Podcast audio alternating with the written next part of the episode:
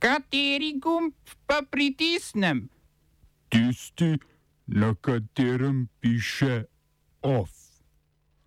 Spoštovane zaposlene, cenjeni zaposleni na Ministrstvu za kulturo, tukaj je za vas, a ne vaš, OF.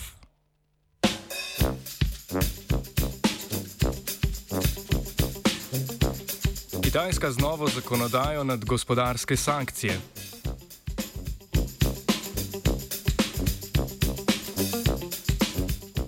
Brazilsko vrhovno sodišče dovolilo organizacijo Južnoameriškega nogometnega prvenstva.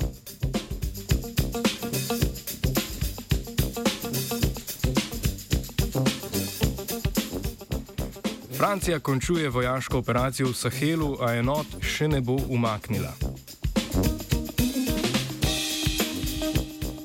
Slovenija bo češki odstopila od merke Pfizerjevega cepiva.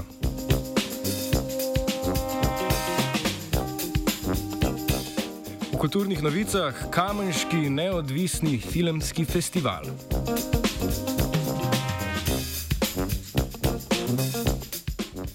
Kitajski parlament je potrdil zakon, po katerem lahko kitajska vlada sankcionira posameznika ali podjetje, ki se podreja sankcijam proti Kitajski.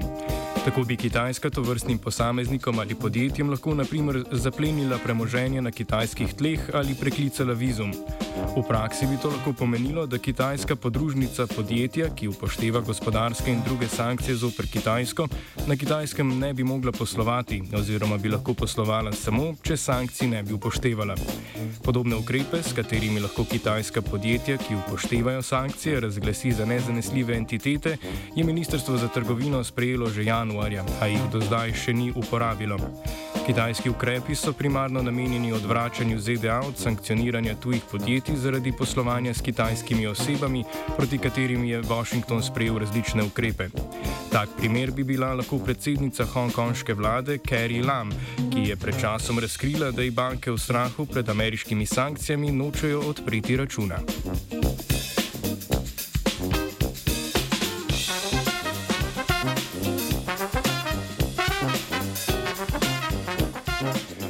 Preiskovalci Ministrstva za pravosodje so v času administracije prejšnjega ameriškega predsednika Donalda Trumpa od korporacije Apple s sodnim nalogom pridobili podatke demokratskih senatorjev, ki so bili člani komisije za obveščanje, njihovih družinskih članov ter njihovih pomočnikov in svetovalcev. Po navedbah poročila naj bi preiskovalci tako iskali odgovornega za uhajanje informacij o pogovorih med ruskimi predstavniki in Trumpovo administracijo. Na podlagi izbranih podatkov za leti 2017 in 2018 preiskovalcem ni uspelo najti odgovorne osebe, hkrati pa so Apple prepovedali udeležene obvestiti o tem, da so njihove podatke zahtevali vladni uslužbenci.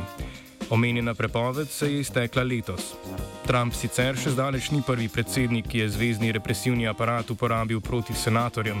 V času njegovega predhodnika Baracka Obame je obveščevalna agencija CIA vohunila za strokovnimi delavci senata, ki so pripravljali poročilo o mučenju jetnikov po 11. septembru, ter um-, ulomila v prostore in računalnike predsednice odbora za nadzor tajnih služb Diane Feinstein. Razlog je bil enak: odkrivanje virov informacij.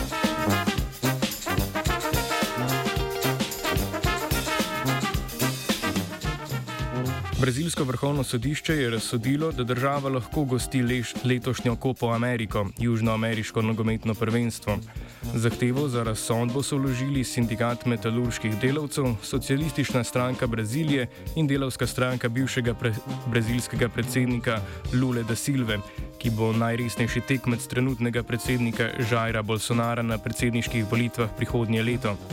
Gostiteljstvu nasprotuje tudi brazilska nogometna izbrana vrsta. Brazilija je postala gostiteljica, potem ko sta gostiteljstvo odpovedali Kolumbija in Argentina, ki se soočata z visokim številom okužb z novim koronavirusom. Tudi Brazilija se še vedno sooča z visokim številom okužb, zato so sodniki organizatorjem naložili vrsto ukrepov za preprečevanje širjenja virusa.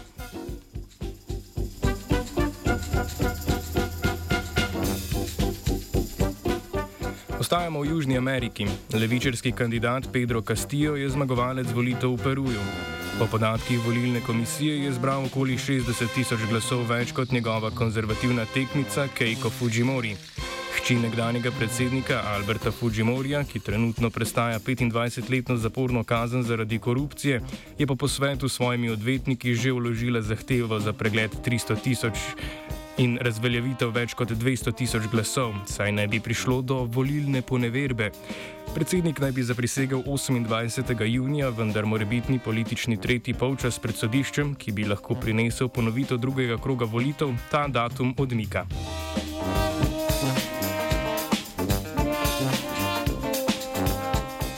Francoski predsednik Emmanuel Macron je naznanil, da bo Francija končala operacijo Barkan, ki jo je v sodelovanju z državami Sahela vodi proti islamskim upornikom. Konec operacije sicer ne pomeni umika nekaj več kot 5000 francoskih vojakov, saj naj bi ti nadaljevali vojaške operacije v Sahelu. Namesto neposrednega vključevanja v boje naj bi francoska vojska večino sredstev namenila urjenju in opremljanju vojakov afriških držav. Po Makronovih besedah Francija ne more biti nadomestilo za države in njihove institucije v tem delu sveta.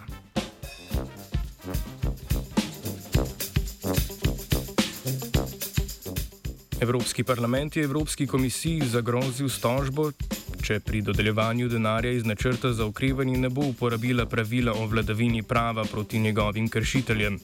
Omenjeno pravilo omogoča komisiji, da ob kršitvi vladavine prava zamrzne pridobivanje sredstev.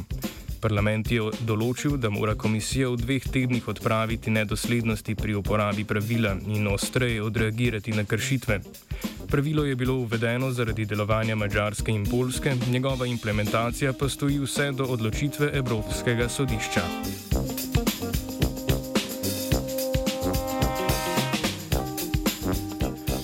Na mačarskem so vladajoče stranke oblikovale vrsto dopolnil k zakonu proti pedofiliji, ki ga trenutno obravnava mačarski parlament. Dopolnile se dotikajo prepovedi predstavitve ter promocije homoseksualnosti in spremembe spola mladoletnim osebam. Spolno vzgojo bi lahko izvajale samo registrirane organizacije in posamezniki. To vrstna dopolnila so zgolj zadnje vrsti sprememb, ki krčijo svobodo skupnosti LGBTQ na mačarskem. Tako je Mačarska lani prepovedala spremembo spola in omejila možnost posvojitev otrok istospolnim partnerjem. Oba, če, če bom odgovoril na angliški.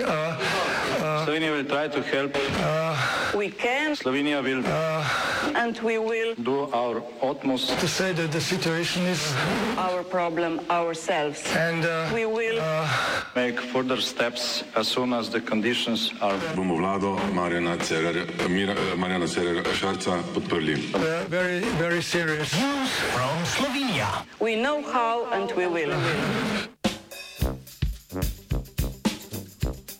Vlada je omaknila oznako zaupnost dokumenta o možnih nadaljnih poteh za uspeh procesa ustavne reforme Bosne in Hercegovine iz leta 2011, ki ga je pripravil bivši predsednik republike Milan Kučan. Ta je v odzivu za slovensko tiskovno agencijo povedal, da gre po njegovem mnenju za preusmerjanje pozornosti od morebitnega obstoja dokumenta o spreminjanju meja na Balkanu in da je bil dokument iz leta 2011 predstavljen že v knjigi Prvi predsednik Boža Repeta. Na vladno odločitev se je odzval tudi predsednik republike Borut Pahor, ki bi si želel, da bi dokument ostal tajen.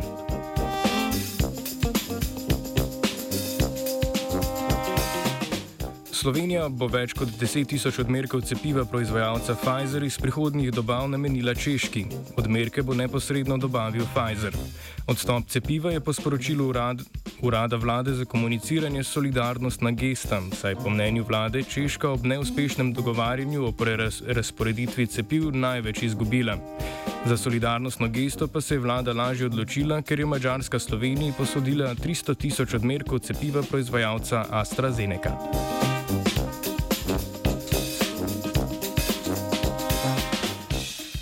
Razlito komunalno blato na območju Pivole v občini Hoče Slivnica je prišlo iz čistilne naprave komunalnega podjetja Ptuj. Izjavo za javnost je podal predsednik komunalnega podjetja Ptuj Janko Širec, ki pove, kako so v podjetju preverjali izvor blata. Zakaj smo postali budni oziroma uh, bolje začeli spremljati ta dogodek? Namreč iz razloga, ker se ravno en dan prej, v četrtek, prejšnjem tednu, uh, so se iz naše čistilne naprave Eh, odvezle večje količine odpadnega blata. Ko smo spremljali te informacije eh, iz pivole, gledali sporednice teh eh, količin, terminu in seveda hitro nekako lahko zaključili, da bi se mora biti tudi naše blato eh, lahko znašlo na tej lokaciji. Eh, mi smo seveda takoj eh, v začetku tedna od našega prevzemnika, ki je eh, podjetje CEP iz celja, zahtevali eh, poročilo, ali je s tem odvozom blata eh, iz četrtka prejšnjega tedna vse v skladu s pogodbo oziroma vse v skladu z okoljevarstvenim dovoljenjem. Mi smo od prevzemnika tudi to eh, poročilo dobili, da je blato iz čistilne naprave tuj odvezeno v skladu s okoljevarstvenim dovoljenjem. To nas je začasno pomirilo, če tako rečem, vendar nadaljni dogodki seveda so nam dali misli tudi naprej.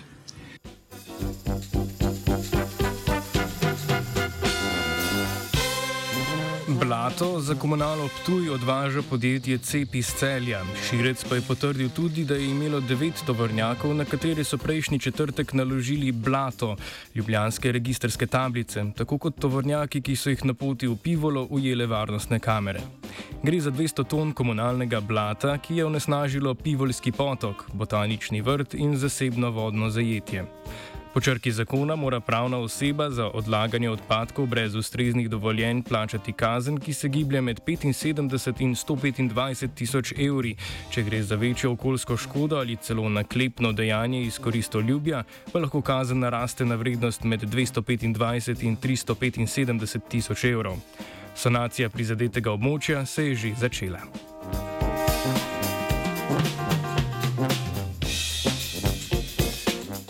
Je pripravil Dominik.